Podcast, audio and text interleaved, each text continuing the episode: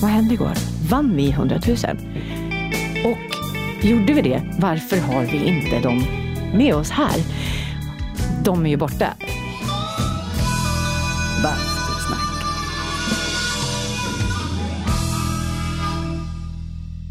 Hej och välkomna till ännu ett avsnitt av Bastusnack. Eh, avsnitt 25 tror jag faktiskt. Idag har vi låtskrivaren och artisten Anna Stadling i bastun. Anna är barndomsvän med min skönsjungande hustru Helene Sjöholm, vilket är bra att veta när man hör vårt snack.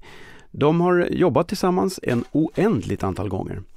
En tvättäkta Sundsvallstjej alltså, som har rotat sig bra på Kungsholmen i Stockholm nu för tiden.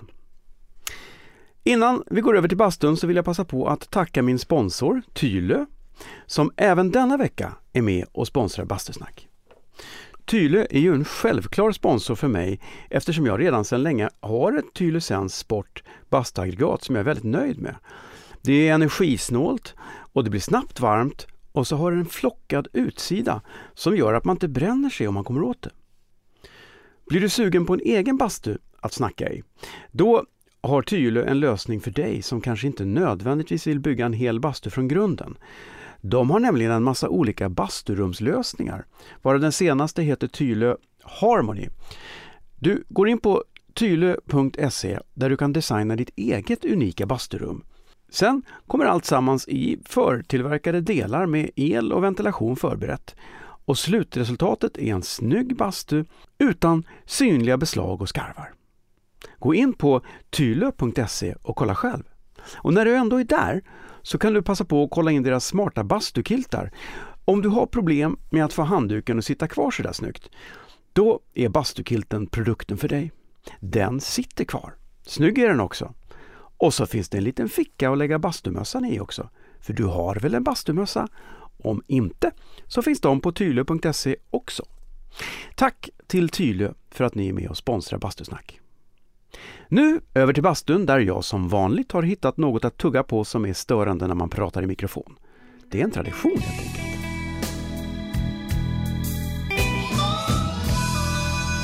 Bastusnack. Du, du det, finns, det finns ett gott godis här om du vill ha det. Eh, Oh, har du tagit det. fram Ja.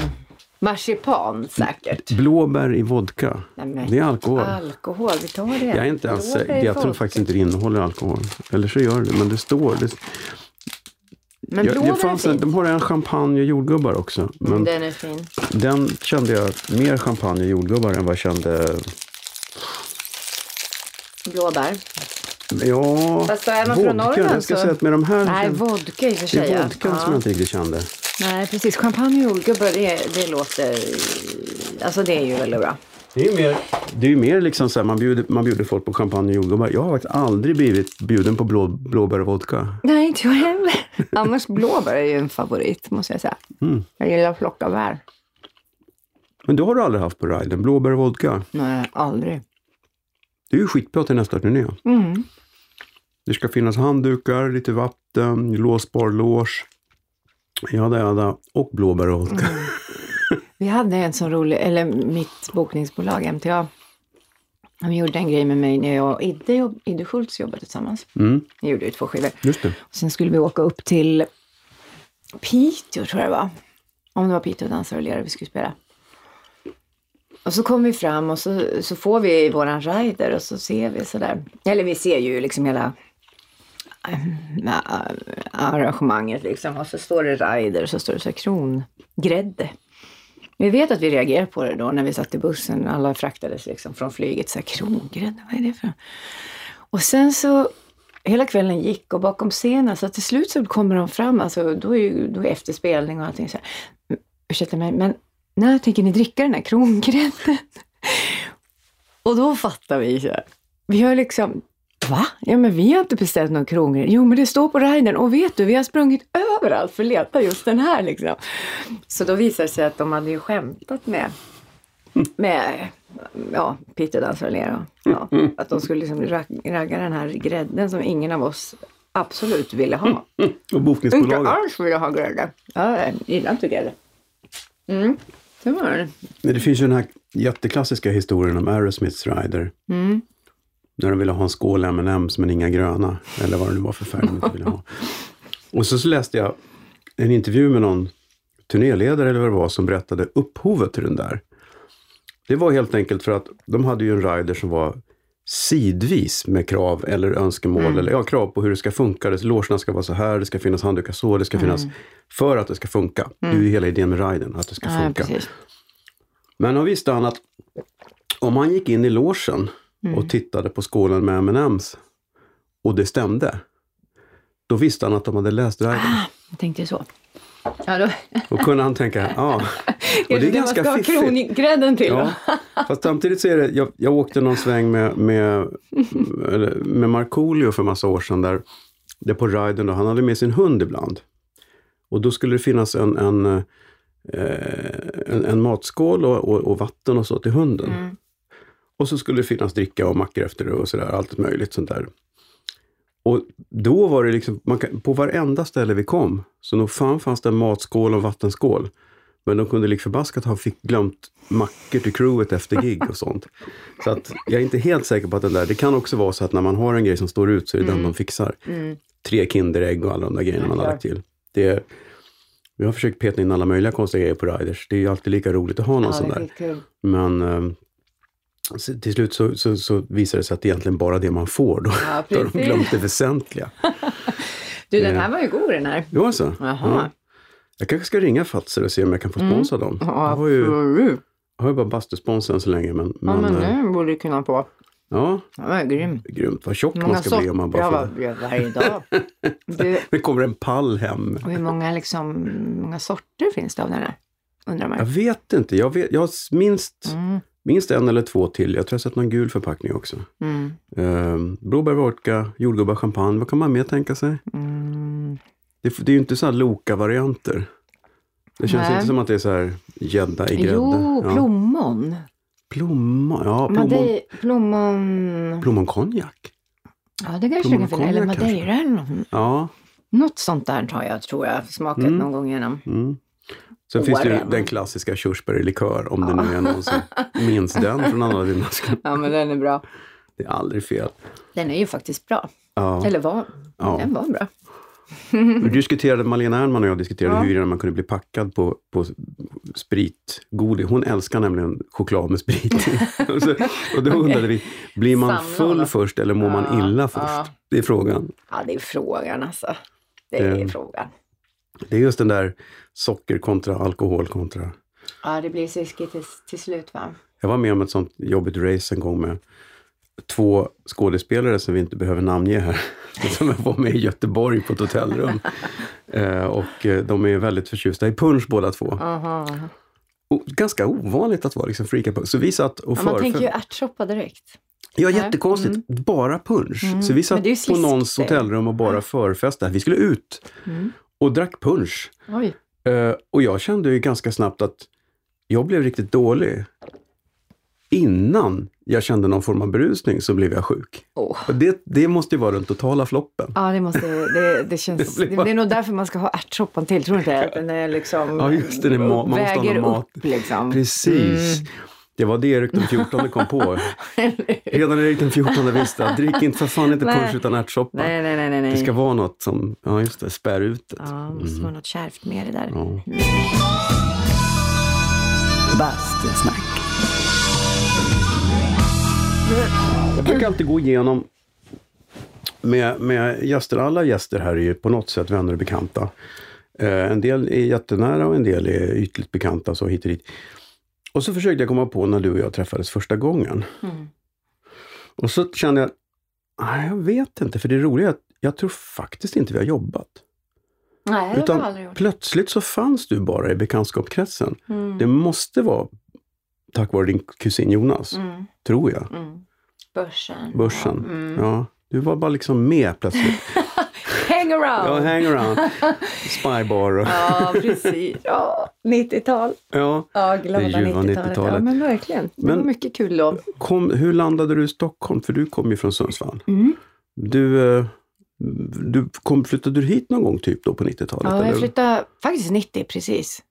Ja. Och jag hade ju varit, alltså jag, Sundsvall, sen så gick jag musiklinjen i Härnösand två år och sen var jag i Texas ett år. Mhm. Och sen kom jag hem kanske ett halvår. Och eh, ja, jag vet inte, jag, jag, jag, jag kände att jag skulle bort iväg. Det var verkligen väldigt tydligt för mig. Men eh, så då, då sökte jag lite skolor för jag tänkte att ja, men det kanske kan vara ett sätt att komma iväg, Mm. komma in i en stad och sådär. Så att Mm. jag sökte musikskolan på vårkanten och då flyttade jag faktiskt innan det. Så jag flyttade och började jobba på eh, Först jobbade jag på eh, Ko, Konsum, Coop på Mm. Söder på Bjurholmsgatan. Där jag hyrde i andra hand. när då? Det här 90-tal alltså? 90, 90 efter julen där Ja. liksom. kanske jag handlade av dig för att du gick där jag borde. Ja. vad kul. Mm. Eller jag jobbade, faktiskt jobbade jag två veckor, sen fick jag panik. Så att, eh, Ja. det, då skulle jag ha prickat in de två veckorna. Nej men två veckor. var din jag. karriär på Ja, det var Konsum. min karriär Ja. på Konsum. Men eh, sen så fick jag, min kusin jobbade på ett eh, bageri ute på Brommaplan. Så då Mhm. istället för liksom i samma hus där jag hyrde Mm. och jobbade enkelt tänkte man. Så åker jag liksom ut till Bromma varje morgon och Mm. ibland öppnar man ju vid fem och sådär. Alltså det var ju helt förfärligt. Jag fattade ju ingenting. Från... Men det var lite annorlunda att göra det och så under tiden som jag egentligen inte gjorde så mycket annat utan jag, jag sökte musikhögskolan och så sökte en folkhögskola i Stockholm. Men så kom jag in på, på musikhögskolan helt... Jag hade absolut inte kunnat tänka det Ehm, och jag var 20 och, och jag tänkte, ja men jag hoppar väl på det här. Mm. Och så spelade jag ju, men bland annat med Helene då fortfarande. Och, och, ehm, så, så jag började sen där 90 på hösten. Ja, och sen var du kvar i stan ja, sen var jag kvar i stan. Så att i, i den vevan ju så, och jag hängde ju väl kanske lite med Jonas och hans musiker. Men han har ju, hade ju liksom dragit igång sin karriär där och Ja, han spelade ju trummor. Jag mm, har jobbat med honom, första gången jag jobbade med honom på Börsen var någon gång i början på 90-talet. mm, Med eh, en produktion som faktiskt återkom och gjorde två shower som hette Musical Express. ja. Med Lisette Paulsson, Pernilla Wahlgren, Kalle Dajal och Ja. Peter Jöback. För jag träffade Peter på um, musikskolan, han gick ju där en, en vända. Ja. Samtidigt som mig. Vi gick ju väldigt otroligt mycket musiker som idag är aktiva, om man säger så, proffsmusiker. Både jazz och rock och pop. Vi var inte jättemånga som höll på med den delen som, som jag gjorde. Då, men ehm, väldigt, väldigt mycket mm, i musiklivet idag Mhm. kommer från just våra år där på Akis. Mm. Så det var en väldigt kreativ En liten liga där. Ja, en liten otroligt, tror jag, mm, motiverad och... Eh, jag menar, jag minns ju min klass som jag gick med, om man skulle skriva ett arrangemang för kör eller vad det nu var. Mm. Då tog man ju inte en låt, utan då skrev man ju en låt först. Så att alla, du vet, alla var ju helt så här... Du, det var an, Iver. Var Ja. det tävling? Liksom? Nej, men det, nej, inte, nej, inte tävling, men det blev ju så. Vi triggade ju varandra jätte, jättemycket. Så jag, bitvis så hade man ju lite småångest, det måste jag nog säga. För att det var liksom... Men vilka var det du gick med då? Men jag gick ju med, Sara Isaksson gick ju en parallell där. Ehm, hela jazz... Eh, Real Group? Jeanette Lin... Nej. Nej. Jeanette Lindström. De kan hända att de gick någon Ja, år de är lite över. äldre. ja, Ja, precis. det. Mm. Jeanette Lindström, Ruskjazz. Ja, det finns så otroligt många som sitter i orkestrar idag. Mm. Musiker, både stråk, blås. Um, Peter hoppade väl av, tror jag. Jag visste inte ens att Peter hade gått. Ja, han gick en kort vända, men det var nog inte riktigt vad han ville, tänker jag. Men sen var Men hans det... brorsa har väl gått? Hans brorsa har gått, han Ja. gick ju samma veva liksom. Så Ja. att det var... ja, Jag gick fyra år, så att... eh, Men han träffade en hel del folk där faktiskt. Men det var ju ett bra sätt att komma in i Stockholm, för att det är ganska svårt om man kommer utifrån och ska... mm, Skitsvårt. Det är ju det. Just Så för man att det är små klickar, eh, Ja. Det kan jag se. Eh, ibland så kommer det, oftast det är små klickar som är runt en kapellmästare. ja. Jag kan se det tydligt och då Ja. är det flera som har gått redan från gymnasieåren på Södra Latin eller Adolf Mm. Fredrik och sådär. Att de, ehm, de har spelat ihop och sen fortsätter de och sen Mm. får den kapellmästaren ett jobb någonstans och då tar han med sig, Mm. eller hon, sina kompisar? Kristoffer Nergård Japp, gick ju. japp. Alltså, jag, jag hängde ju väldigt mycket med Jonas och den världen, södra latinvärlden. Ja. För att det, jag, jag kände ju liksom att jag ville jobba med musik. Mm. Och, och, men jag minns ju verkligen, det var som att stå och titta Mm. liksom in utifrån. Så här, Mm. okej, får jag vara med och leka också? Så där. Sen, sen, sen ehm, Ja, nej men så, så visst är det så. Det är väl så det funkar lite grann att man, man jobbar med många som man är van vid att eh, jobba med. Det finns ju en enkelhet i det också, en trygghet såklart. Men eh, det kan vara, det kan vara svårt när man inte riktigt tillhör den kretsen. Men det är lite gräv där det står, för att man, Mm. om man jobbar med någonting just nu och så ska man jobba med någonting sen och behöver en gitarrist, då blir det oftast den gitarristen som är här just nu. Mm. Ehm, och det är inget fel i det, men det är skitsvårt att knäcka Ja. sig in i det. Mm. Då och då så poppar det in någon ny, men, Mm. men jag tror att det är jättetufft Ja, det är jättetufft. att komma in som frilans utifrån. Det är ju några som gör det, men det är... mm, Har man inte nätverket från en skola så tror jag att Nej. det är betydligt svårare. Ja, det är det. Och sen är det ju också ja, alltså tillfällena så att säga att visa att man kan eller de är ju inte så lätta heller att bara liksom ta sig in på en scenisk del eller alltså du måste ju hela tiden eh, det blir ju en väldigt social del Mm. också. Men det sociala är ju en del av det. Du, Ja, det är du ju måste inte bara det. kunna spela bra, utan du, du måste ju ha en social kompetens. Mm. Det, är ju, det händer ju, det är ganska sällsynt, men det händer ju att det finns folk som är kompetenta, men som ändå inte har jobb för att de Mm. inte är socialt kompetenta. För det är trots att man ska ändå, man ska ändå liksom sitta i en trång studio eller ett orkesterdik Ja, ja, eller en turnébuss och då måste man Ja, orka tid. åka Night Rider med den här människan. Ja, exakt. Nej. Nej, men så är det visst. Så, det är ju, så är det ju absolut. Men du, eh, från början då, vad, Mm. vad fick dig att glida in på musik? Jag är uppvuxen i en... eh, Jag är uppvuxen faktiskt med musik. Det var väldigt mycket klassisk musik hemma. Min Mm. pappa fick ju första Josef Björling-stipendiet på 60-talet. Så pass? Mm, I Stockholm. Han kom som en lantis till hit, till Gröna Lund var det Ja. tävling där. Så när han kommer så kommer en, det var han och en stockholmare. Det, Var det en klassisk sån här talangjaktstävling? Mhm. Så att han, eh, han skulle väl gå fram och sjunga någonting, eh, jag vet inte riktigt vad han sökte med, men, eller tävlade med, men och det var en sån här riktigt track, trackande Stockholms, eh, fin form idag, fin form idag, sa han. Så, min pappa är ganska kaxig på något skönt sätt. Eller han är som han är. Ja, det är jag med, säger han då på norrland, lite Mm. sin dialekt och sådär. Och så, så fick han höra att han skulle ha en smoking och ja, så han fick åka och hyra in i stan och ut dit igen och sen så så går han in och vinner den här tävlingen. Så. Bara rakt av? Kaxigt. Ja, men det är kaxigt tycker var jag. det ingen finns, som... Nej, men det är liksom... Eh, så att eh, hans röst på något sätt har ju alltid funnits för oss. Mm.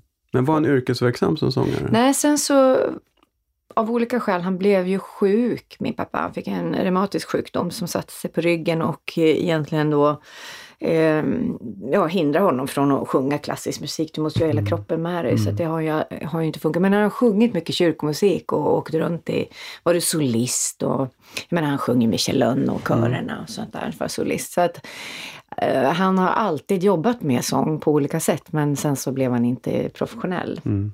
Sådär, även om de ville ha in honom på Operahögskolan och så. Men så det har ju färgat oss jättemycket. Det är klart att jag spelade, du vet vi kom in tidigt på dels, alltså mina brorsor, det var idrott och så var det musik. Det var Mm. de grejerna som vi höll på med hemma.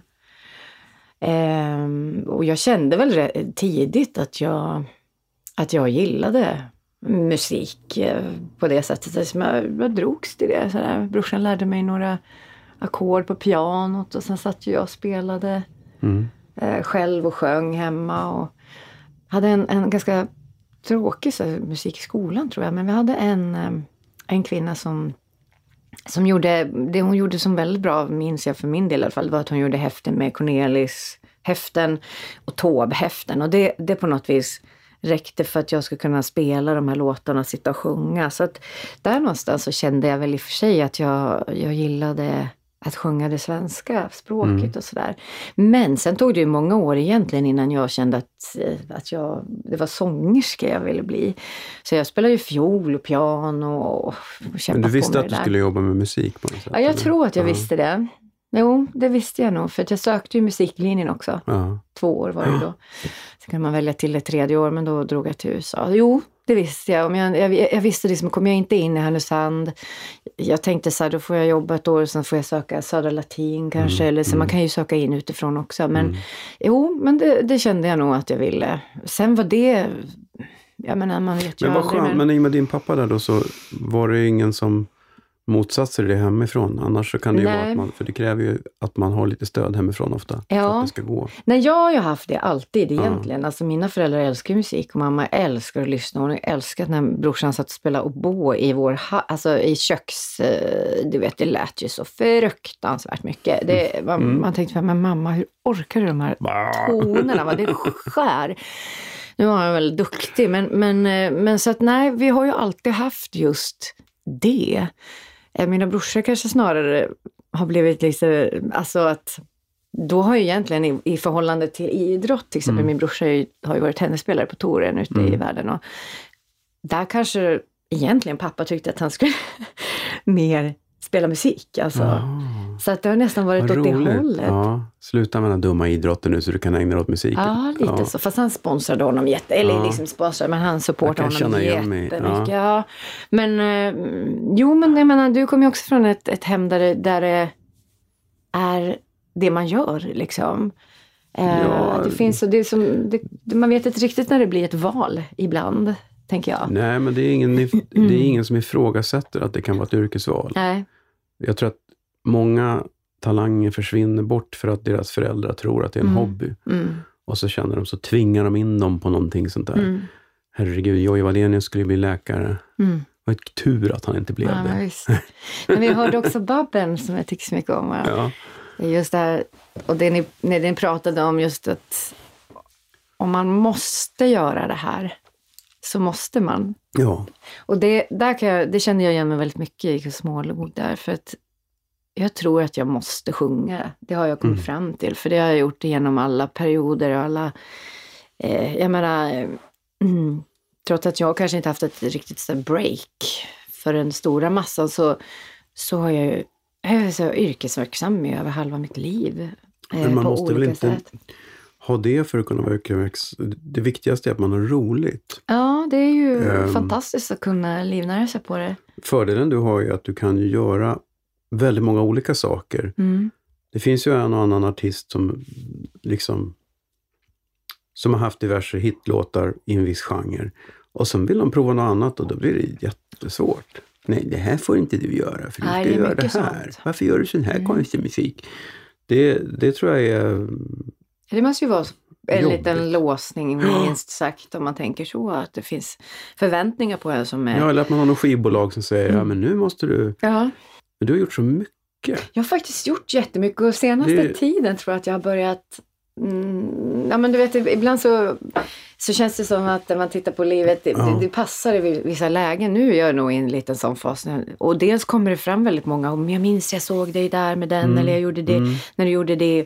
Och, och jag kan nästan känna så här, har jag gjort det? Mm. Har jag varit där? Ja, det har jag ju verkligen. Mm. Så, så, så ibland så säger jag, men tack för att du påminner mig för att jag minns det också som, när jag väl minns det så minns jag ju helt fantastiskt. Det var Ett, få göra kul, med. ett, ett kul gig var ju Winnerbäck. Ja. Gigget där. Mm. Hur, kom du, hur fick du det jobbet? ja, alltså Ja, när jag, när, parallellt när jag pluggade här då så träffade Mm. jag lite olika folk och vi började jobba på olika sätt. Och så började jag skriva musik med en kille som heter Robert Evensson. Och sen så kopplades jag ihop med Staffan Hellstrand och så ledde det här till min första skiva. Mm. Ehm, och då, uh, i den vevan så, eh, jag, jag släppte den på MNV som var ju så, Mm. mm, fram till... Gamla provbolaget, Ja, ja. precis. Och det var ju det fram till där ungefär 2000-talet. Finns det kvar? Nej, de börsnoterades och sen hände det Ja. grejer, vilket då hände som att Börsnotera aldrig ett proggföretag. Nej, det var, det var liksom svårt. Jag menar, de jag jobbade med då, de, de försvann ju och så Mm. kom det andra in och eh, Ett namn som poppar upp är Stefan Glaumann. absolut. Stefan Glaumann. Ja. Ett namn som poppar upp är ju Lars Tengroth som nu Mm. är på Playground. Han drog iväg direkt. Så Lars och Tengroth och jag, vi, vi gjorde ju första skivan. Mhm. Ehm, men sen då så valde han att, att dra iväg. Så att där någonstans när jag skulle börja med andra skivan så blev jag vilsen. Och då kom en man som heter Magnus eh, Nygren in. Mhm. Som jobbade med Lars Winnerbäck och hans första skivor. Mm.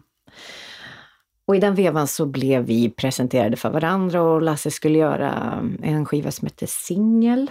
Där han bjöd in massa olika kvinnliga sångerskor Mm. som gästade. Och då gästade jag bland annat och det var Sara Isaksson, jag tror det var Vanna Rosenberg. Jag tror, det var väldigt många olika om det inte var någon från Sahara Hot Nights också. Från 90-tals eh, tjejgänget liksom. Ja. Ehm, så det var ju väldigt kul. Och sen då efter det, så, och jag tänkte ju att jag skulle göra en ny skiva. Det var liksom min, min tanke egentligen.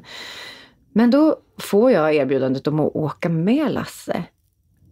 Vi möts tror jag på, eller möts, men vi hade, det var en release för singel och Mm. då är ju egentligen det första hovet kan man säga Ja. alla eh, som Lasse plockade ihop ett band där helt Mm. enkelt. Och jag var sist in. Och han, jag minns att han sa, jag vet inte om jag kommer ha råd att ha med dig, men jag vill att du ska följa med. Och på den vägen blev det. Så att bananskalet in Mm. och sen blev det ju superintensiva år. Mm. Jag har en parentes här. En åldersparentes. Mhm. Det tog alltså flera, det tog ett bra tag innan jag förstod att det här bandet som heter Hov 1 inte är Hovet. För jag tänkte, åh, de har moderniserat, de har, de har liksom gjort någon ny platta kanske och har ett hippare namn. Jag, jag lyssnade ju inte på något. Ja, ja men vad, Vad hände där? Hur, hur Ja. reagerade ni när ni såg att det fanns ett annat band som heter Hovet? ja, det är jättekonstigt. har du hört det? Nej. Vi får ju fixa ett gig ihop, Hovet och Hovet. Ja, hovet och hovet. Ja. Kanske ska dra. Ja, nej, Hovet men vi, vi hade ju en väldigt, vi hade ju otroligt rolig tid alltså. Ja, Hade vi verkligen. det Och var, roliga hur år. länge var du med? Det, själva hovet fun- var sista turnén vi gjorde 2006. Ja. Men då gjorde ju vi liksom, vi gjorde ju, sing, nej, vi gjorde ju Söndermarken med honom i Danmark, spelade vi in den. Och sen så reste ju vi kanske tre turnéer per år. Och det växte ju hela tiden. Vi spelade in med honom. Så det var ju oerhört intensivt. Han blev ju väldigt stor. Tack vare att han var ute och spelade jämt så fick Ja. han ju... Han gick ju från ingenting till en stor publik tämligen fort. Fruktansvärt, alltså, eller fruktansvärt ska jag inte säga, men bra. Alltså, Ja, det, var ju, ja. nej, men det, var, det har ju varit kul Ja. att vara med om den Jag resan. minns de här första giggen han gjorde, Ja, där det bara var lite sådär... Var på, trubbade jag såg honom i... Ja, precis. Ja, Mm. då hade han band. Eller Jag hans första band Karlskrona. kanske. Ja, jag såg dem i Ja. Karlskrona Mm. på något gig. Eh, Ja. Och, och, och, och det var, ja, det var väl trevligt. Mm. Och sen går det två, tre år så är jag uppe i, på Storskyran eller vad det är och då är han ju liksom headline. Ja. Gick... eh, Men då var vi med va? ja. Ja, precis. Men Storsjö, jag undrar om inte det var någon sån här hysteria så att vi flögs dit på med miniflygplan Mm. eh, för att spela. Men då var, det var ju kul. Det var ju liksom, det var ju då, jag tänker på, ehm, det var så många band som var i startgroparna. Mm, Vi körde ju de här kalasturnéerna just det. med Håkan Hellström Mm, och mm, Dam och Timbuktu och mm. Soundtrack of Our Lives, alltså vi, och så Hot Nights och, och ja, Mm. men det är jättemycket, otroligt mycket roligt när man tänker på det. Och har varit med om det där. Eh, faktiskt. Men, men Storskyra minns jag, och jag minns också att det var för Chrissy Hines då. Tror jag. Vi spelade hon den, gjorde inte hon den kvällen? För Jo, jag minns att vi kom inrusande och vi hade flygit från ett annan, en annan Mm. spelning. Eh, springer in för att bara mm, snabbpiffa till och sen så, så står hon precis innanför där. Så jag får så här, du vet, man får tunghäfta och man ser, tror jag ser syn. Är coolt. Ja, fantastiskt. Hon är Mäktig. grym. Hon är Mm, fantastisk. Fantastisk. Är det en förebild? Kan man säga det? Ja. Även om du inte låter som Pretenders. Men Nej, det gör jag ju verkligen inte. Nej, men jag tycker hon är häftig. Jag har alltid tyckt att Ja. hon är så häftig. Ja, hon- är så stark. bra. Ja, Så stark. Och, och, Eller hon är inte ens kaxig, hon har pondus. ja, Kaxig är när man inte riktigt, utan hon har en självklar pondus. Ja. så fruktansvärt bra. Nej men skitbra verkligen. Och hela 90-talet för mig var ju som en, eh, alltså där jag kom ifrån och jag var ju så vilsen i början när jag flyttade Mm. hit. Jag kom liksom, hade ganska mycket existentiell ångest och kom ju från en frikyrkouppväxt och in i Stockholm och frigörelse och, och mm, vem är jag? Vad har jag gjort och vad har jag inte gjort? Ehm, och sen, sen, mm, jag minns den första egentligen eh, bomben. Jag, skulle, jag satt i en buss, jag skulle åka med på en eh, resa till Tjeckoslovakien och Mhm. eh, med en kör, för jag var, var lite kär i en trummis där. ja, så kan det vara. Eh, så att Det är jag, ju alltid... ja, jag är alltid en trummis. Ja, trummisar är bra. Så. Ja, nej men så jag åkte med och eh, ehm, då kommer han med Sheryl Crow Tuesday afternoon. Nej, vad heter den? Eh, jo, men Sheryls eh, Ja, men den, första plattan. Just det. Ja. Vad hette den? Jag Ja. vet. Tuesday Night Music Club. Ja, just det. Okej. Och när jag Ja. lyssnade på den i lurarna där i bussen så kände jag att då på något sätt så... När kom den? Hörru du, eh, jag tror att den kom 1993. Ja. Någon gång. Ja, men det stämmer bra. Mm. Då, där någonstans så kände jag att jag hittade någon slags koppling med både musik och sång och uttryck som jag på något sätt sökte efter och, och längtade efter. Eh, och det drog igång någonting hos mig med låtskrivande och gitarr och, och ehm, jag tänkte det här måste man ju kunna göra på svenska. Mm. Det var liksom min idé från början. Och sen så är ju hela 90-talet är ju en, en otrolig kvinnovåg för mig med alla. Marie McKee, Emily Harris har ju funnits innan, men det kom ju Wrecking Ball där sen och det, det kom också eh, Lucinda Williams. Alltså det finns ju så mycket Alanis, bara hennes, mm hennes Och utbrott. det var också en käftsmäll. Ja, men alltså jag var och såg henne på Café Opera där uppe på Rotundan. Liksom. Jaha. Ja, och stod så här nära. Att, att se den där liksom kvinnliga urkraften. För mig var det så här, men kan man göra så här? Mm. Får man vara så här som, som tjej också?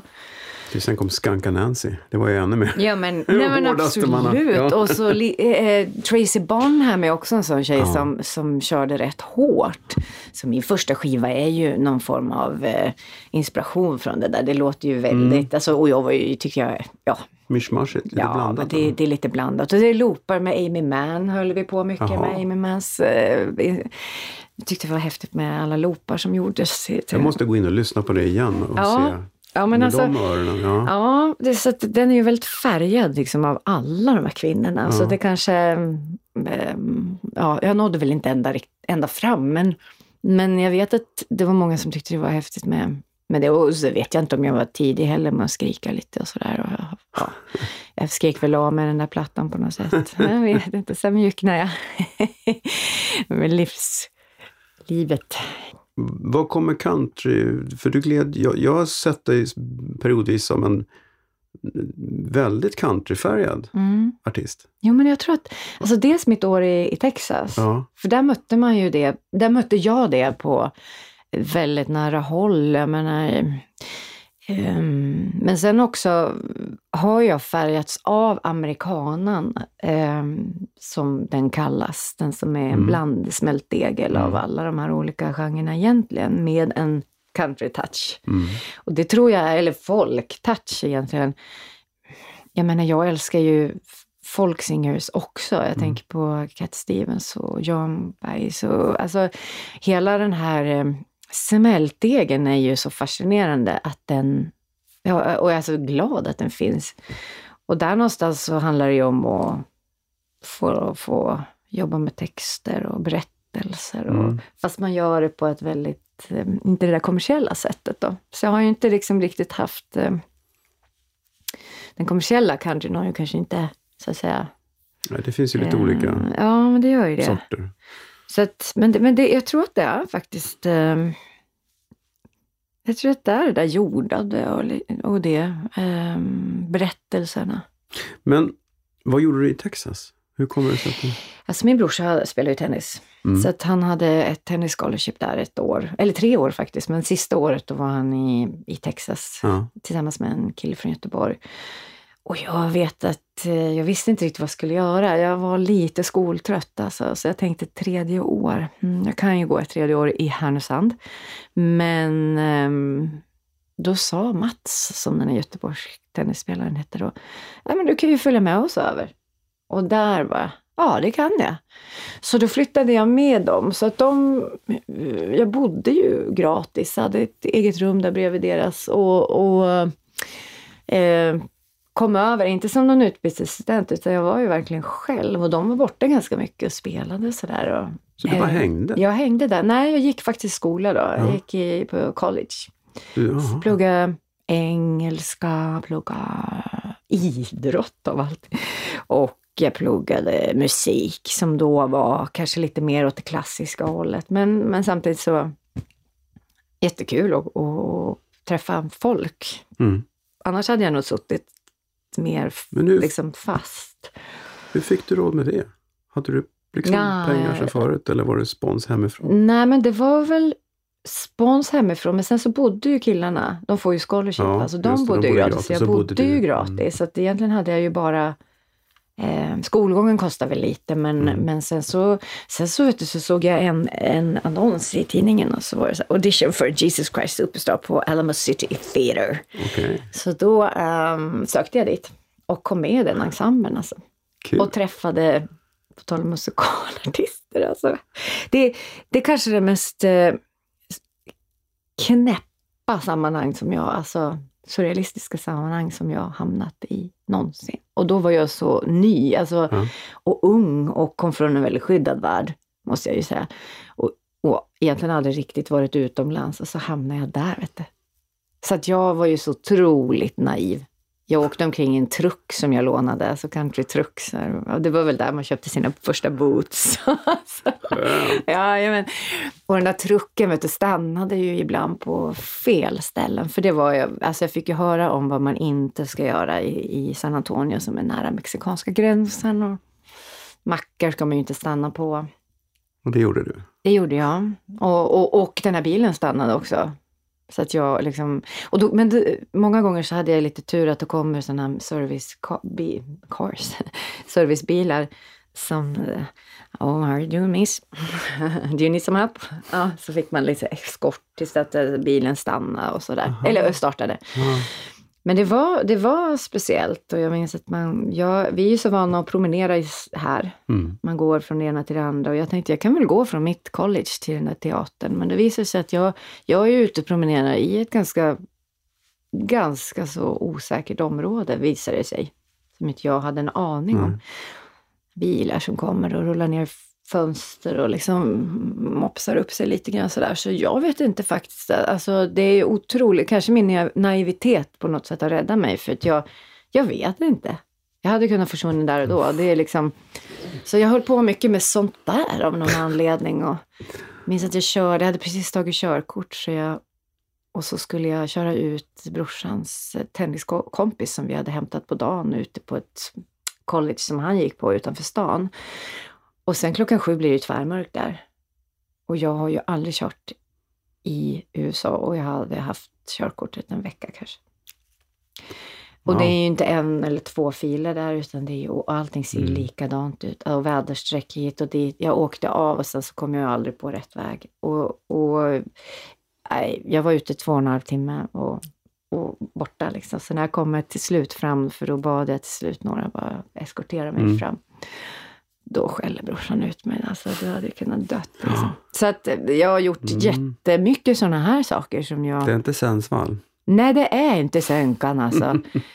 det är verkligen inte sönkan. Så att det, Men det var väl en mm. nyttig erfarenhet ändå att få Ja, men jag tror att jag var, har ju varit hardcore. Ja, men jag var ju ganska tidigt iväg. Jag var 16 när jag drog iväg hemifrån faktiskt. Mm. Och det har väl färgat mig också att jag alltid klarar mig själv. Liksom. Jag är otroligt så. Jag klarar mig själv ganska bra. Vilket ju är både positivt och negativt. Det kan ju vara lite Ja, så är det negativt. ibland. Nej, Ja. men man måste ju på något vis också eh, funka tillsammans med folk. Särskilt i en relation kan ju vara Ja, ja. Okej, Fast vad ni- vettigt. Mm. Ni har ju hängt länge. Mm. Fast Ja, två det vi. omgångar, typ. Ja, vi hängde ju aldrig riktigt när vi var tonåringar. Nej. Men, Hur men, träffades ni? Jag träffade Pekka första gången när jag var 14 och han var 17. Mm. Och då var vi på, vår, på mina, min farmor och farfars landställe av någon anledning. Jag tror att vi... Alltså han var ju några år äldre och hängde med lite äldre folk och jag var jättenyfiken på dem och de spelade lite grann i band och sådär. Och jag, ja men redan då märkte jag att jag drogs till det. Så att eh, jag var med där i det sammanhanget och jag var ju alldeles för ung. Ehm, men sen så, ja vi spelade i samma band Mhm. och reste Vad omkring. var det för band? Det heter Exodus. Mhm. Oj, Mm, ja, ja, men. det herregud. låter lite li- rello eller? Ja, det var Rello. Och det var också, men det var ju, du vet hur det kan vara med Rello, så kan det ju vara lite Två, saker. två, tvåeggat svärd. Ja, vi ska väl säga så. Ehm, Men det var fantastiskt ibland. Alltså. Så det, det är lite roligt. Det är, lite, det, det är väldigt De är fint värst. minne. Och, ja, mm. Mm. Men, eh, men eh, jättemysiga och bra, fina människor och, Mm. och så. Men jag menar, alla vi som har gått igenom det, vi har ju haft både bra och dåligt av det Mm. på något sätt. Mm. Men eh, så där träffades vi först då. Pekka spelade trummor. Därav sen träffade Mm. jag bara trummisar. Jag träffade en basist någon gång, men mm, eh, som jag har hängt med eller varit tillsammans med. Men, ja, men sen så flyttade han hit 89 och jag 90, så vi började ju, då, då hängde vi lite grann. Men sen, sen så hade han en annan lång relation och jag, jag levde på mitt sätt och, och så. Så vi sågs egentligen inte för 2001 på hösten igen. Så då, eller ja, nej, jag hade ju sjungit på hans bröllop också. Det är ju en klassiker. Ja, Wow. ah, 2000 var det väl. Mm. Så jag sjöng på hans bröllop. Vad sjöng du? It should have been meaning. Nej, faktiskt så sjöng vi, jag sjöng den här. Du och jag är vi ett annat slag, är vi ett undantag. Var på alla som känner vår historia tyckte jag att det här var jättekonstigt att jag sjöng den här sången för Ja. dem eftersom att den snarare handlade om oss. Men det tänkte jag väl inte riktigt då. Jag vet att jag absolut, för, för när jag var ung så var han min stora kärlek, absolut. Men, men sen så, livet går ju på liksom. Så vi gjorde Ja, nog en Harry mötte Sally-grej faktiskt. Och då Utom blev vi tokkära sen. ja. Mm. Inklusive restaurangscenen? Nej. Nej, inte riktigt. Ja, ja. jag faktiskt, nej, det är nog jag inte, inte offentligt. nej, då är jag lite för blygsam. Ja. Den är bra. ja, den är jättefin. Men vad kul, men då vart ni ihop igen liksom. Mm. Och sen Och dess. då gick det fort. Ja, då gick det fort. Ja. Då gjorde man en sån där grej som, eller vi gjorde en grej som jag aldrig trodde jag skulle göra. Köpte en lägenhet efter tre månader och flyttade ihop. Eh, Men ni visste ju lite vad ni gick in på, ni Ja, kände ju varandra. Det jo, var inte som att, var- vem är det här? Nej, det var det faktiskt inte. Och, och någonstans så så tänker jag att alltså, jag blev lite rädd då, kommer jag ihåg. För att jag, jag kände väl precis det, att shit, nu är det på riktigt. Mm. Och det var lite läskigt. På något sätt. Ja, När det hettar till och, och, och man känner att det här kan verkligen bli någonting. ja. Och då, och jag som sagt, ganska bra på att klara mig själv och envis och, och lite behov av att känna den här frihetskänslan. Eh, och hade väl inte upplevt det i någon förhållande överhuvudtaget på det sättet. Eh, men, men det är ju sånt där man svarvar till med åren, att man får ju lära känna varandra och nu tycker jag absolut att vi har den friheten och det, den hittade vi ju tidigt. Jag menar, jag sa ju det att det här är mitt liv. Jag, så här, det här funkar jag nu. jag menar, när vi känner varandra så var det ju att är lära känna varandra på ett nytt sätt. Är det rätt så blir det ju även det rätt. Mm, Men det är ju en fördel att ni jobbar med samma saker. mm, Även om han då ju egentligen inte jobbade professionellt med musik Nej. just då. Då, jobbade med, då var han, ju, han var jurist. ja, Va? han var jurist. Och är ju det också. Ja. Men, eh, men numera på liksom eh, konsultbasis. Mm. Men, men absolut. Och, men hans musikintresse hade ju lika... Han är väl en typisk sån som eh, skaffat sig ett jobb.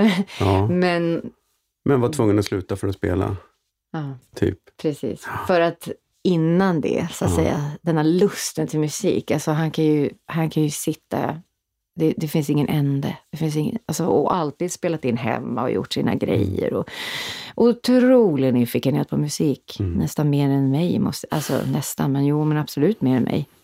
Så att någonstans så väcktes väl den... Man kan ju väcka någonting Mm, som mm, sover också. Och det upplevde jag att det blev. Att han, Men funkar det bra att jobba ihop? ja, för oss funkar det jättebra. Ja, och det sa ju vi från början att vi inte skulle göra. Nej, det har ju vi sagt också. Ja, precis. Vi har ju hållit på det. Med några få undantag.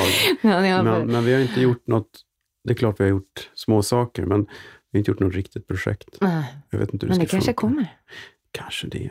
Jag vet Mm. inte. Det, det, vad gäller, ja, det är en sak att kanske ha ett eget projekt, men jag, jag vad gäller att, att, att gigga ihop och sånt där så, så känner jag att erfarenhetsmässigt så brukar jag säga till, till kollegor som, som hamnar i den sitsen att de är ihop med någon i bandet, Mm. att det kan funka för er. Mm. Men, men man vet ju själv hur jävla obekvämt det kan vara när, man, när det kommer in en respektive i en turnébuss. Mm. Vilket gör att, och är då den här respektive med i produktionen så kan det bli en väldig obalans för att folk, alltså om man då till och med, att det är så illa så att man är ihop med artisten, Mm. då blir det lite svårt för att då kan inte det här normala skitsnacket som behövs för att hålla igång, släppa ut lite mm, eh, släppa ut lite luft, eh, Mm. så att säga, när, när, det, när det har varit jobbigt, då kan inte det komma ut. För det är ingen som vågar säga bara, slags, ja, ja visst. Eh, det funkar kanske ibland, men, Mm. men jag har varit obekväm i sådana situationer ibland, där, som även på ytan ser bekväma ut. Men Mm. det finns alltid en liten Mm. spänning och jag vill egentligen inte utsätta någon annan för det. Att de känner att de inte riktigt kan prata, för, tycka saker och Nej. liksom tycka att folk är knäppa Mm. när de är stressade eller whatever. För det, det, det är ett Mm. behov, den säkerhetsventilen behövs i både band och crew. Att, att kunna bara mm, vara fri. Mm.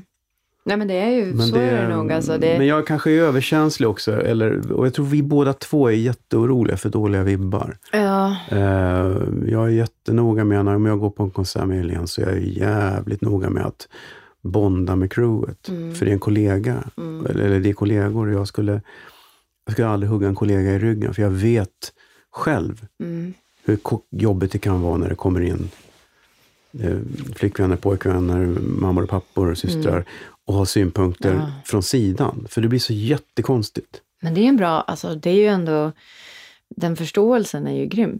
Ja, Som ni, alltså den tryggheten i det. men det kanske är ni- överdrivet också. Vi kanske skulle kunna jobba jättebra ihop. Ja, vet det inte. vet man. Men allting har väl sin tid kanske. Och, Ja. och för oss har ju det varit, alltså först sa vi ju att vi ska inte göra det.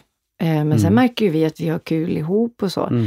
Ehm, och, och nu är det ju en väldig fördel, fördel för vi kan ju dra iväg, han kan ju nästan hela min repertoar. Liksom. Mm. Så vi kan ju dra iväg och göra små grejer. Men, men samtidigt, och stora grejer. Men, men eh, det är klart att vi har ju en pojke som Ja, är är, så här. Så att nu har, Ja. i oktober här när vi åkte, då, har vi, då sa vi det att nej, men nu, nu behöver vi, han behöver ha en förälder hemma. Och, Mm. eh, så att vi har ju känt det behovet och det tror jag att vi kommer behöva titta på. För Mm. att eh, John Henry behöver väldigt mycket support. Liksom. Nu ska vi åka i jul och det är lite knöligt. Eh, mina föräldrar har flyttat hit till stan så nu får ju vi lite Mm. mer hjälp. Men, men ehm, eh, det är ju svårt, eller hur? När man har Mm. det här vanliga livet som ska också på något vis funka.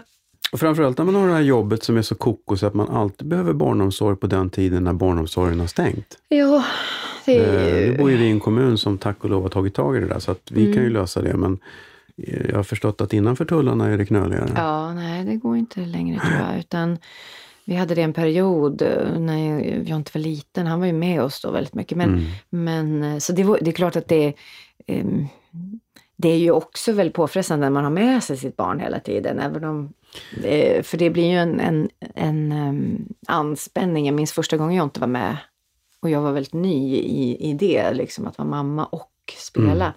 Och jag får sån här riktig blackout. Alltså, vi står och diskuterar en tonart. Liksom. Du vet, det, det går, jag, jag, jag, hittar ing, jag hittar inte ut. Så jag får liksom dra den där, äh, fast jag är adoptivmamma så har jag en sån amma, mamma-amningshjärna. Liksom, du vet.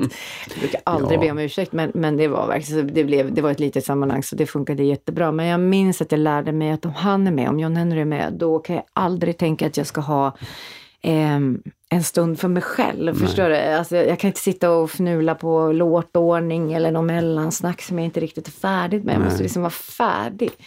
Och det var, det var en sån riktig käftsmäll för att det, jag fattade nog inte från början en, liksom, ansträngningen.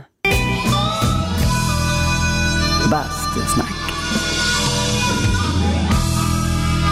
Du har precis slutat, avslutat en höstturné med din platta Ja, exakt. Efter stormen. Mm. Eh, jag måste ju säga först att omslaget är ju skitsnyggt. Tycker du det? Vem har gjort det? Tack. Det är Johan Bergmark, fotografen, som eh, har lite så här Anton Corbin-vibb Ja. på honom. Eh, han har fotat mig förut och jag ringde honom och så, så var vi och sprang omkring där på Kungsholmen där vi bor. Betong skulle det vara tänkte jag. Det ska vara stad, möter, eh, ja lite stad-feeling på den här skivan. Det är det. Ehm, så vi hittade något. Och jag fastnade också för den där bilden. Det ser ut som en målning nästan. Ja, och sen då är det. Johan Ösling eh, som är skådis och gör eh, omslag och grejer vid sidan av då, eller som en del av hans verksamhet då. Så vi har egentligen aldrig träffats utan bara mejlat och varje gång jag har skickat någonting, jag, jag fick det första utkastet på omslaget och, och då hade han egentligen bara lite bilder och så hade han titeln Efter stormen. Och då var den ganska så, då var det nästan sjunde inseglet mörk och, och eh, liksom ödesmättad. Och då, då kände jag att lite fel blir det för att den här skivan, trots att den, den har ju vuxit fram ur de två senaste åren som har varit det värsta i, i mitt och vårt liv, så, så finns det ju, det, den är inte deppig eller det finns ett hopp liksom och det finns en styrka genom allt det vi har varit igenom på någon, och det var viktigt för mig att det, det kändes.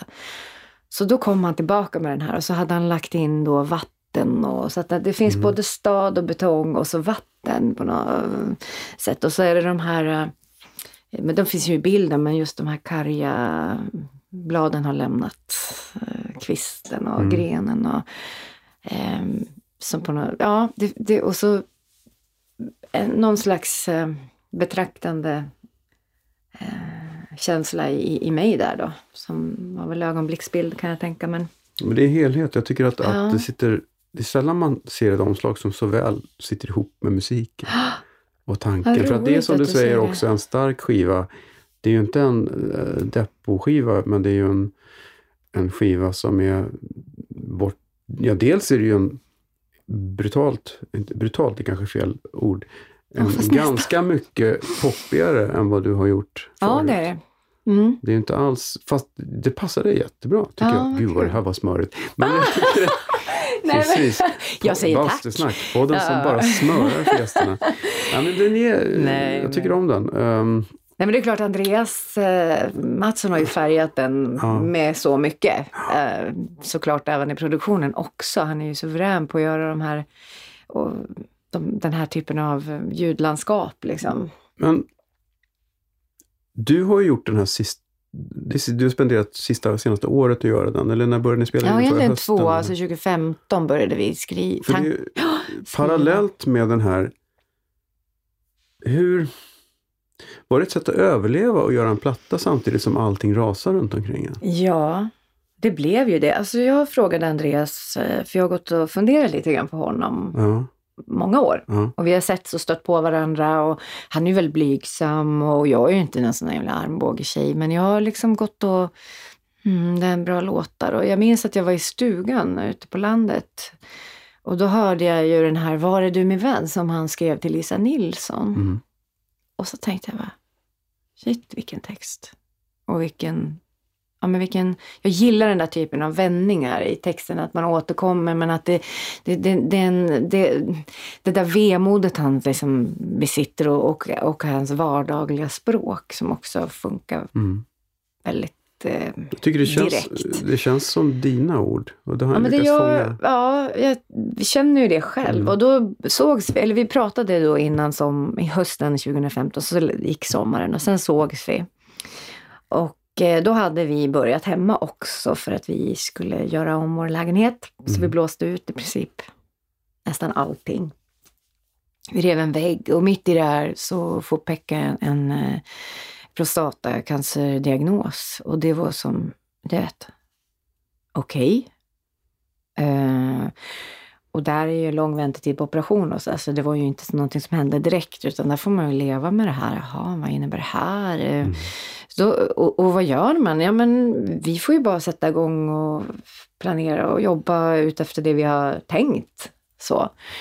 Och då tog ju jag ehm, båten över till Andreas. De hade precis startat båtlinjen, det. 85 där. Och så åkte jag över och när jag kommer dit så, så sätter vi oss ner och pratar. Och i, I början är det ju så när man ska inleda ett nytt samarbete, eller hur? Man bara, eh, vad, vad är vi nu? Vem är du? För vi kände inte varandra särskilt väl alls, eller inte alls. Eh, men vi hittade massa gemensamma nämnare, också med, för vi utredde vår pojke också, en diagnosutredning. Och han har sina erfarenheter av olika saker, så vi kunde liksom diskutera barnen mycket. Vi diskuterade renovering och de höll på med någonting också. Ehm, och det blir alltid något strul med renoveringar, eller hur? No Det är shit. sällan en, en, eh, tids, eh, vad ska man säga, deadline hålls. Jag ska ju inte säga någonting eftersom en närstående familjemedlem till dig har byggt en del av vårt kök. Ja men precis. Va? Mm, precis, den där, den där sista listan du vet som, som ska upp då. Ja. Mm. Nej men så, så att det var ju, eh, det var väldigt mycket som vi kunde mötas i. Vi möttes också i att vi är från mindre städer och så just den här känslan som jag berättade om att man vill iväg och står där för. Vi, pratade om eh, figurer och människor som man har eh, sett eh, av olika slag som stannar kvar och vi, vi pratade liksom hur, hur man gör sina vägval i livet och massa, massa, massa, massa grejer. Och alltid var det någonting som var värre varje gång vi sågs. Ah, men nu är det det. Nu har han fått en diag- peka på en cancerdiagnos. Nej, men det är sant. han. Och sen var det någonting med renovering. Sen var Jonte. Och sen i november, då får jag komma tillbaka på min mammografi. Och då, då var faktiskt min kusin Jonas med hemma i vårt kök där vi då trängde ihop oss. Det gamla köket. Mm. Och Jonte hade vid den här tiden, han hade byggt en liten koja då. Hur många kvadratmeter var vårt kök? 18, 20 max. Och på den där var det en 6 kvadratmeter koja liksom. Men det är klart grabben ska ha en koja. Självklart. Eller hur? Och där sov han ju jättebra av, kunde liksom skärma av sig från omvärlden på något sätt. Och, så, eh, och där sitter vi då, hämtat från dagis och sitter jag. Så bara öppnar jag det där kuvertet i all hast. Jag tänker inte alls på att det skulle vara någonting särskilt. Man får ju alltid tillbaka och det står att eh, vi har inte hittat någonting och allt ser bra ut. Men det gör det inte nu, utan det säger att du måste komma tillbaka för vidare prover. Och då Ehm, ja, det var... Och jag minns att Jonas sa, men det måste vara ett skämt. För då var det så mycket redan. Men det var det inte, utan där... Det var bara tillbaka och, och sen började ju massa undersökningar och... Och... Ja, det, det är ju surrealistiskt. Det känns som en... Nu känns det ju som när vi tittar tillbaka, det är ju precis två år egentligen som, som allting. Ja, nu börjar det bli november och då är det ju två år sedan jag fick det här tillbakabrevet då. Ehm, så det har hänt så oerhört mycket på två år. Eh, så nu är det nästan som att allting befinner sig i att man sitter och tittar in lite grann i en sån här ostkupa, du vet, glaskupa, så man kan se allting utifrån. Ja, nu har ni liksom snabbspolat framåt från den dagen och landat här. Ja, men, men eh, Andreas blev ju då, jag menar, han har ju också haft sitt och när vi har sett så kom vi ner i studion och så jag vet att vi så många gånger sa vilken himla tur att det finns musik. Och nu, nu stänger vi av bara. Och så var vi kanske, jobbade liksom en och en halv timme, sådana där korta pass. Sen ringde jag ofta hans telefon och det var hämtning och vi och du vet, vi yrsa omkring. Men just, jag minns, jag, jag kan ju se det där hela hösten och hela, framförallt hösten då fram tills att jag opererades i februari så, så, ehm, så ser jag ju de här platserna som vi möttes alltså det, det är som små stationer av oaser sådär. Nu fick jag komma dit en stund och så dit en stund och så kom jag tillbaka där. Och det trillade verkligen på, så att från att inte veta alls vad det skulle bli, så mm. blev det ju någonting helt fantastiskt. Så för mig att sjunga de här texterna och låtarna, det var ju som att, som du säger, det känns ju som jag har skrivit dem. Mm. Um, och, och mycket har, är ju, det, det baseras ju på våra samtal. Även, och det är det som är fantastiskt med musik, att man kan komma från olika håll. Mm. Och så känner man att... Men utan, ja. utan allt det här eländet, kanske inte den plattan då, eller? Nej, det tror jag inte. Inte på det sättet. Inte lika stark skulle jag mm. nog säga. För jag menar...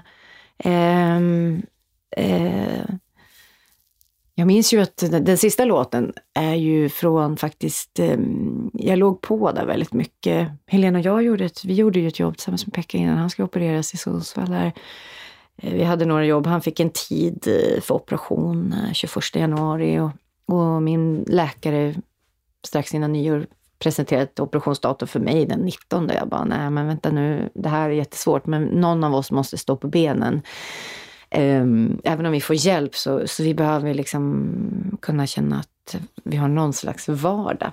Man kan ju ta en kille jag... med två föräldrar på Nej, sjuk, nej på, eller hur? Det är ju helt absurt. Alltså. Så två veckor efter fick jag... Och jag menar, vårt sista rum, eh, gamla köket, var inte färdigt. Utan vi fick trycka på broms. Vi hade lagt golv fram till sista rummet.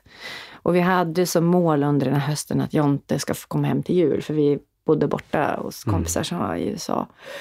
Eh, och den 20 december så hade vi hans rum klart. Det, fanns ingen in, det var ingen sån möbler eller någonting. Vi hade ställt in en sån här julkarusellaktig eh, grej med lysen och sånt där. Och så fick han komma hem efter dagis. Och så, nu ska du få sova hemma. Så la vi ut madrasser. Och, så att eh, det var väldigt starkt att få komma hem. Och, och på något vis har vi ju trivts väldigt mycket bättre i, i den lösningen som, som vi gjorde. Mm. Och det måste man ju säga när man är två sjuka som går omkring och är mm, allt annat än piffiga. Så um, har det ju varit jätteskönt att få vara hemma och trivas, kunna göra en mm. brasa och mm. kunna känna att det är lugnt på något sätt. Mitt i den här kaosen. Men det har väl lärt oss någonting också då? Att mitt Men i kaos shit på något att ni sätt. klarade det och att ni, ni båda är det är okej okay då? Ja, vi är ju cancerfria. Och det är ju bara det är ju wow. en, en... Eh, det är ju... Det är ju så mycket... Det innefattar ju så mycket när man får en diagnos mm. med cancer. Ja, men du känner ju till det bara också. Bara ordet, ja herregud ja. Det... Och det, det är som att balansera på lina. Och åt vilket håll ska jag trilla ner, känns det som.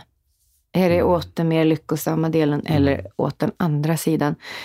Eh, jag känt, och, och, och just när man får jag tror att alla som får den här också positiva beskedet som att ja, men cancerfri.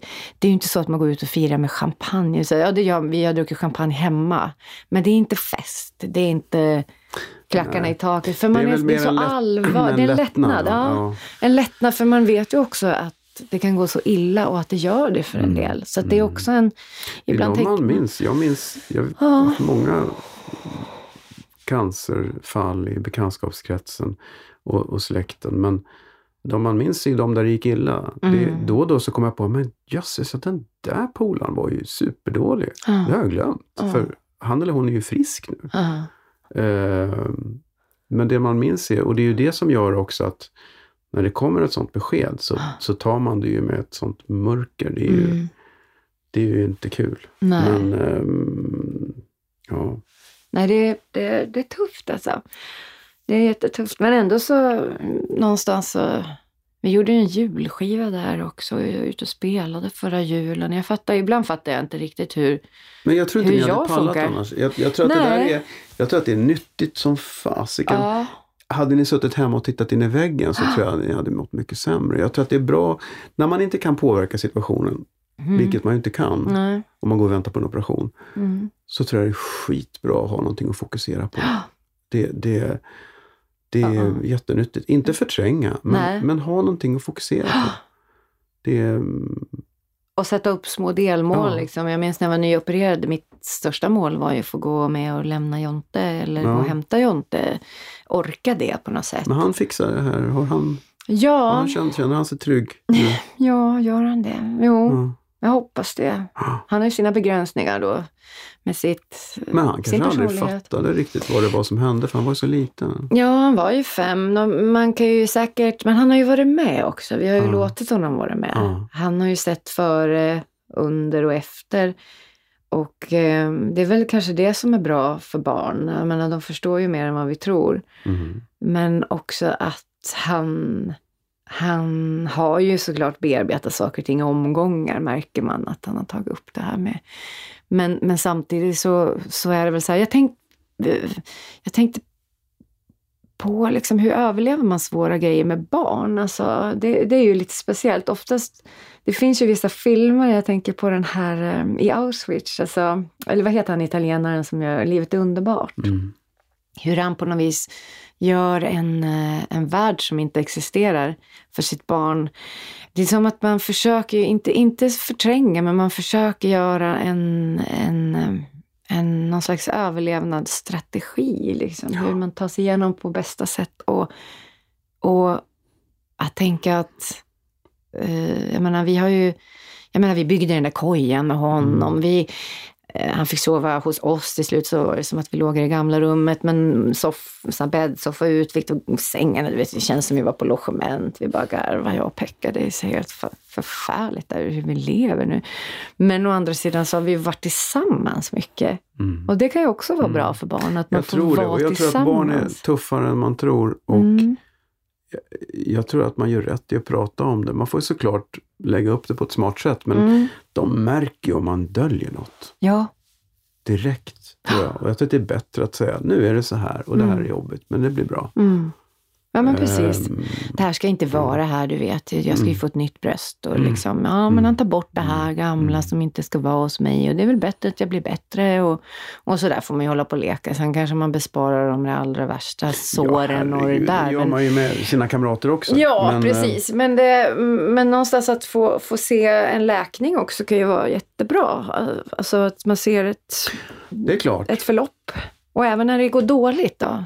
Att man får det är livet, vad fan. det är livet. Man får på något vis också tänka att det, det är ju oförståeligt. Det är himla sjukt vad vi får vara med om egentligen. Överhuvudtaget och vara här på något sätt. Det blir ju otroligt. Så mycket sånt är det ju liksom av, av känslan nu efteråt. Det är ju, det är ju ganska ofta jag, jag försöker dra, in på temp, liksom dra ner på tempot också lite grann. Eh, Jag märker att jag är mer stresstålig, eller stresskänslig menar jag. Inte alls lika tålig som jag var innan och kunde ha Men du kanske har fått perspektiv på vad som är viktigt också. Ja, på ett sätt har man väl det. Sen är ju vardagen vardagen och man stressar ju i och för sig också och försöker liksom pussla. Ja, men som sagt, för att konkludera. Mm, nästa platta blir, blir en helt annan platta Ja. med tanke på, det blir den friska plattan. Ja, den friska plattan. Precis. Kanske Happy. återvänder till um, min roots-känsla. Ja. Ja. Nej, men det har varit jätte... Alltså jag älskar att jobba med Andreas. Han är helt fantastisk tycker jag. Jag fattar Ja. inte hur han kan skriva de där grejerna eh, som han gör. Jag måste säga, han är helt magisk. Det har blivit dags för Skämskudden. Herregud vad pinsamt. Skämskudden. Nej, inte den där gamla demon. Har du skämskudde? Massor. Massor. Du drar en ur högen. Ja, men alltså inspelningsmässigt så har jag inte hittat, hittat så, så mycket för att allting ligger nerpackat. Och, och jag, Ja, folk brukar säga det. ja, men det är det faktiskt är ganska på- vanligt. Ah, Ja, jag men jag tror att jag är förlåten för min, min cancer. Ja, mig, Nu ja. kan jag skylla på min cancer hela Ja. tiden. Nej då, utan, men det är på riktigt, det är så mycket kartonger som inte vi har hunnit plocka upp. Men, nej, men när, jag, när, jag, när jag tänkte på det så tänkte jag, alltså eh, det finns ju då, på tal om hovet, Mm. Ehm, det var så här att på 90-talet så, så eh, skulle jag ut med en artist som vi alla känner till i Sverige, Carola. Det var En väldigt märklig turné som skulle göras. Ehm, kanske syftet än idag inte helt utrönat. Liksom varför. Det var någon hitsturné och vi fick ett, eh, det var ett, ett band som plockades ihop och jag var ganska, eh, ja, jag kanske tog min chans där, på tal om att komma in i Stockholm. Och, men i alla fall så, jag, jag skulle då vara, jag spelade ganska mycket elgitarr då. Mm. Så hade min jazzmaster och jag skulle, ehm, jag skulle öppna hela hennes show med att gå längst fram, spotlight på mig. Och hade, sån, hade en extremt tight tubklänning med Dr. Martens på fötterna och den här elgitarren. Och då skulle jag öppna och spela ett riff liksom. Det var något slag. Jag kommer inte riktigt ihåg vad det var jag skulle spela såklart. Men, men eh, vi var i Hudik också på eh, jag hörde kalaset. Jag kommer inte ihåg vad det hette. Men inte så långt hemma för mig, men jag visste att det var, det, det är lite isolerat, så det var inte Sundsvalls stadsväst. Jag tänkte det var inte så mycket folk där. Men i alla fall, jag går fram och sen ska jag lite snyggt backa när Carola kommer in. Och plötsligt så bara viker sig mina ben 90, alltså 90 grader över en, jag inser att det är en monitor som står där den inte brukar stå. Så jag, jag ligger på golvet i den här i den här klänningen, vilket är absurt, och de här tunga dojorna som jag hade, stålättedojorna, och den här elgitarren och spelar. Och jag vet faktiskt inte hur jag ska komma upp på ett värdigt sätt. Men du spelar fortfarande? Alltså? Jag spelar fortfarande. Alla jag tänker tänker, så här, fan äh, vad cool hon är. Ja, vad cool hon är. Hon ligger där. Och killarna i bandet, uh, gitarr och, och bas, de infinner sig. Liksom. De står på knäna vid mig. Va? Så Ja. jag vet inte ens om Carola fick en enda... Alltså det här är öppningen. Ja, ja. Det, här, det här går ju så snabbt. Och där ligger jag och sprattlar. Men jag har ingen minne av hur jag tar mig upp. Ja, men jag måste, det, Någon måste ju ha lyft. någon måste ha hjälpt mig. Och jag tänkte så här, herregud. Vilken tur att ingen, alltså det är inte någon jag känner som är här. Jag vet inte, jag kunde tänka det i Hudik, men det har ingen aning. Sen går vi alltså när vi är hovet och försöker lära känna varandra. Vi pratar och i början där så, och så, så, så pratar vi faktiskt lite grann om det här med skämskudde och vad vi gjort på scenen som är pinsamt, sna- snubbla och harka och slått sig, vad det kan vara. Och sen så säger Johan Pers, för när jag berättar det här så säger Johan då i hovet som spelar gitarr och dragspel och keyboard, så, Herregud, var är du? säger han. Då såg jag dig och jag tänkte så här, stackars den där tjejen, gud vad skämmigt! och så, nej det, det, det var så himla roligt för vi hade ju inte känt varandra särskilt länge och så var det Johan som jag skulle jobba med sen, så många år. Det Jag minns det som så himla jobbigt alltså. Ja. Men det finns ju mycket sådana där stories som faktiskt som jag har gjort och jag har alltid varit lite nervös för att snubbla för jag är lite Ja. papphammar. Alltså. Ja, men jag har verkligen varit rädd för det, alltså att jag ska snava på riktigt sådär hysteriskt fram. Så det finns alltid en liten att jag måste liksom titta mig omkring, hur ser det ut? Har jag några kablar här nu eller är det någon trappa? Eller... Så jag får alltid lägga en liten extra manke för att jag vet att jag är lite kalvig sådär. Jag slår mig, jag dunkar in i mickstativet och tänderna. Så, så det ser ju inte så himla bra ut, det gör det verkligen inte. Men sen så kom jag också på det, alltså det är inte skämskudde men jag minns en, en, att jag var, jo lite, för att jag var på Lollipop-festivalen som var utanför Stockholm. Mm. Kommer du ihåg den? Mm. Så himla bra. Mm. Det var ju jättebra festivaler. Mm. Och där spelade Marie McKee, så jag var ute och skulle lyssna på henne, min älskling. Och vad var det med för band som var så bra där samma kväll? Och det är ju fullt ställ där, så det ringer telefonen och så här, hej det är Anders Glenmark. Och jag liksom, Robban, Ivansson, vad håller du på? Sluta skoja med mig, vad är det frågan om? Så, ja, men det är Glenmark.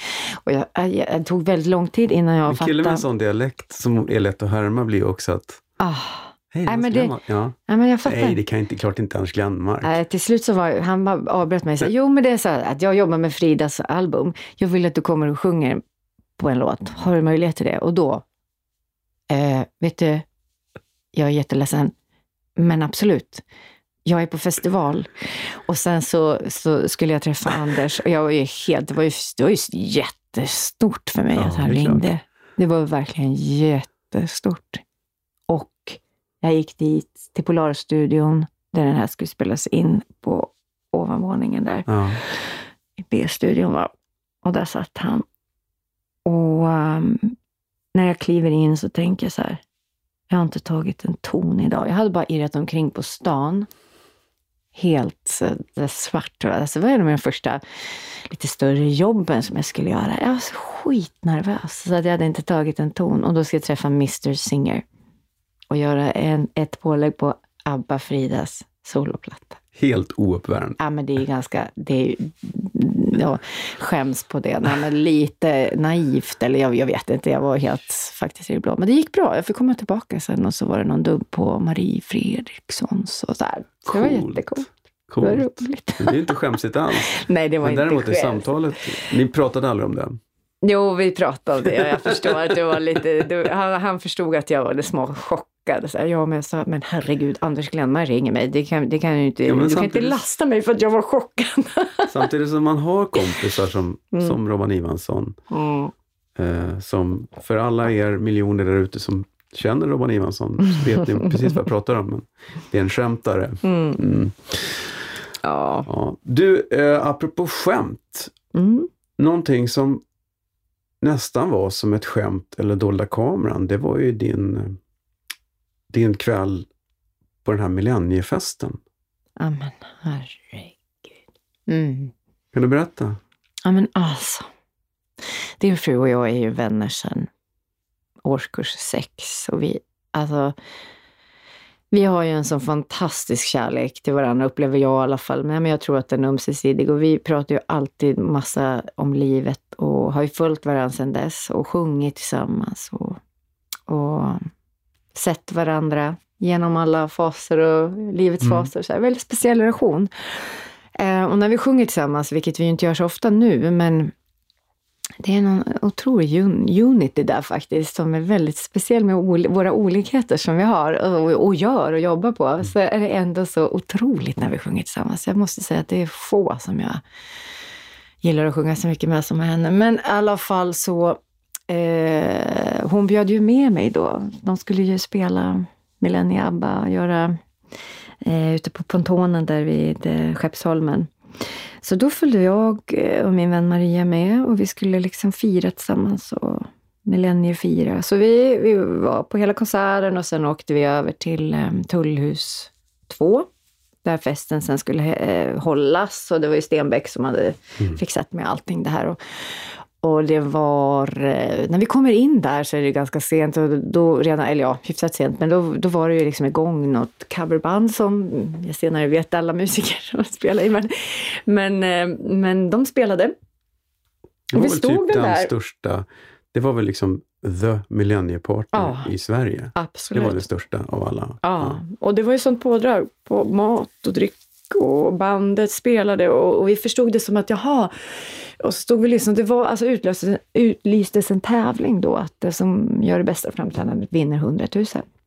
I den här silver, ja det var faktiskt Anders Glenmark som gick fram och eh, höll upp den här silverportföljen alltså. Och i den skulle tydligen finnas 100 000. Ja, ja, ja. Men det hoppade upp eh, diverse män faktiskt där som, som Såklart. drog igång. Såklart, ja. Och vi gick upp. Len och vi, vi käkade jättebra där uppe och det var buffé och dricka och så här. Och sen så kom vi ner och då, jag var ju sent och då fort, då alltså det hade inte avslutats tävlingen. Då får min kompis Maria för sig att, nej men du, ehm, I still haven't found, säger hon bara, och så springer hon fram.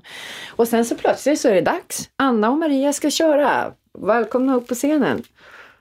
Och, och vi bara springer ju upp. Jag menar, han, man var ju inte riktigt eh, klarsynt, eller klartänkt liksom. Så, så det gjorde vi och vi sjöng ju där och vi dundrade på med stämmer och grejer. Still haven't found.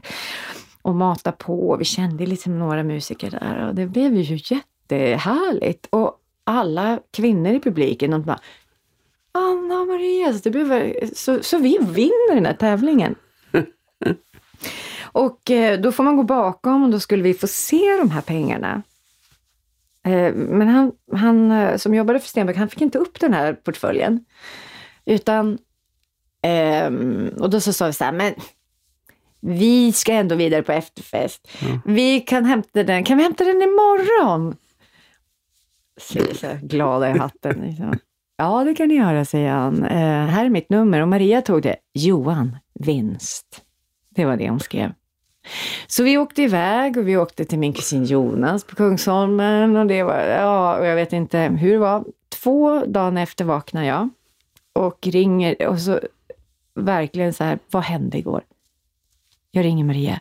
Maria, vad hände igår? Vann vi 100 000? Och gjorde vi det, varför har vi inte dem med oss här? De är ju borta. Alltså vi har ju inte ens sett de där pengarna. Åh, nej, men jag ringer det där numret, säger hon. Och så ringer hon numret. Ja. Ja, tjena Johan här. Ja. Så mycket riktigt så hade vi det. Han var ju hur pålitlig som helst. Vi fick åka till Gamla stan. Ja. Kommer dit kanske tre, fyra på eftermiddagen. Dagen efter, det är ju helt lugnt. Ingen, inte en människa ute. Och där står vi. Och då, vid den tiden hade jag ju superfärgat rött hår, tror jag. Och Maria, hon hade svart färgat hår. Så hade vi våra skinnrockar. Alltså vi såg ut som två häxor i en gränd i Gamla stan med en silverportfölj. Det fanns ju någonting som var fel där på något sätt. Och så säger vi så här, men vad gör vi nu då? Ska vi gå och fika på typ kaffekoppen eller något sånt där? Eller nej, vi var där uppe. Ja. Nej, men det kan vi inte göra. Vi kan inte liksom... Nej, vi kan inte gå med den här portföljen. Så vi tog taxi hem till Maria där hon bodde och delade, eh, hon delade lägenhet med sin syrra. Som hade bestämt att eh, hennes kille skulle komma och möta upp henne hemma hos henne. Då. Så vi hade liksom precis börjat öppna den där portföljen och börja, hur gör man nu? Hur räknar man de här pengarna? Lägger man i bunt, alltså vi använder hundra sedlar. Hur lägger man en buntar om tusen eller fem tusen? Nej, det var helt... Och så vi hade pengar överallt och då ringer han på dörren och Maria bara, eh, ska du komma hit nu? Ja, jag ska träffa Helene här. Ja, det är ju så här, det här kan se väldigt konstigt ut nu, men vi kan berätta sen. Så han kom in och ser bara massa pengar överallt i den här lägenheten. Och bara, vad har ni rånat? En bank? Eller vad har ni gjort? Så det såg verkligen ut som ett bankrån. Men eh, sen vet jag också att Maria, hon gick, med sin, hon gick med en ICA-kassa till banken och satte in de här. Det här var ju liksom innan man behövde Innan verifiera. penning- ja, precis. Vad har, vad har du, vad har du fått de här Precis. pengarna ifrån? fått dem av, av Jan Stenbeck. Ja, eller hur? Eller hur? Nej, men så då betalade vi av lite skulder. Jag tror att hon hade någon, någon studieskuld och jag hade väl också någonting. Och sen åkte vi tre veckor till, eh, gjorde vi en sån här drömresa. För hon har bott i Dallas och så jag har bott i San Antonio. Då var vi tillbaka där vi hade varit som unga och sen åkte vi till Nashville och var där en vecka och sen var vi i New York en vecka. Men vad väl, vad bra att ni vann. Liksom fattiga unga musiker istället för någon trött yuppie som skulle gå upp Ja. och liksom... Ja, men den här, den här bra. storyn har ju spridit sig, Ja. så ibland kan jag höra den så här eh, berättas Ja. bland andra. Och då är det så roligt, för den har, det är ju så med berättelser, de tar sig vidare och så blir det ju en... Mm, ännu eh, mer. En miljon. Ja, ja, det blir jätte, jätteroligt att höra. Och någon gång vet jag efter det att vi var och spelade i Skara med Hovet just och så stod vi, det fanns någon biljardbord där ba- backstage och så, så hör jag en, en, en, en kille som jag, man har sett, just då hade man sett honom i såpasammanhang. Mhm. Och han berättade om de här tjejerna som tog vinsten framför ögonen på honom. Och då gick jag fram och sa, vet du, det var jag. Och, han gör bättre. Jag kommer inte ihåg hans namn bara. Men, men han Det heter- kanske är bara heter- bra. Ja, men det var jätteroligt. Så jag sa, det var faktiskt jag. Så den, ja, det är Mm. en liten anekdot i livet som man kan ju tänka skoj att ha med Bra sig där. faktiskt. Ja, Det är häftigt. Otroligt. Fan vilken rolig grej. Helt sjukt. Helt sjukt. Bastusnack. Eh, om jag säger fem grader, Mm. vet du vad jag menar då? Ehm, nej. Det är den nuvarande temperaturen i sjön. Åh, Men det skiter väl vi i, va? ah, hur? okej. Ja, Ja, det är läge och ja, kraftsamling här Ja. då. Mm. man eller mus. nu kör vi. Eller hur? Det är bara rock'n'roll. Ja. Okej. Tack för att du Off kom. we go. Tack Ja. för att jag fick komma eftersnack. Tack för besöket Anna. Och så vill jag såklart tacka Tylö Bastu som är vår huvudsponsor. Gå in på www.tylö.se och leta julklappar. Alla behöver en bastukilt. Alla, jag menar verkligen det. En bastukilt, det är en fenomenal produkt för oss som aldrig får handduken att sitta kvar sådär snyggt runt midjan. Den ramlar liksom inte av. Och så har den en ficka där man kan förvara sin nyinköpta bastumössa från Tylö. Alla behöver en bastumössa. Gå omedelbart in på tylö.se och köp en. Eller slå på stort och köp ett komplett basturum till jul. Det är ju jättemysigt. Allt du behöver finns på www.tylö.se. Ja, det var allt för denna gång. Glöm inte att prenumerera på Bastusnack i din poddspelare.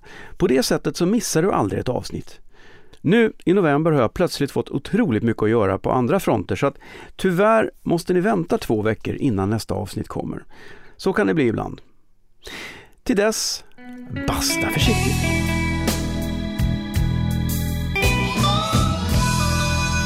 Bastusnack.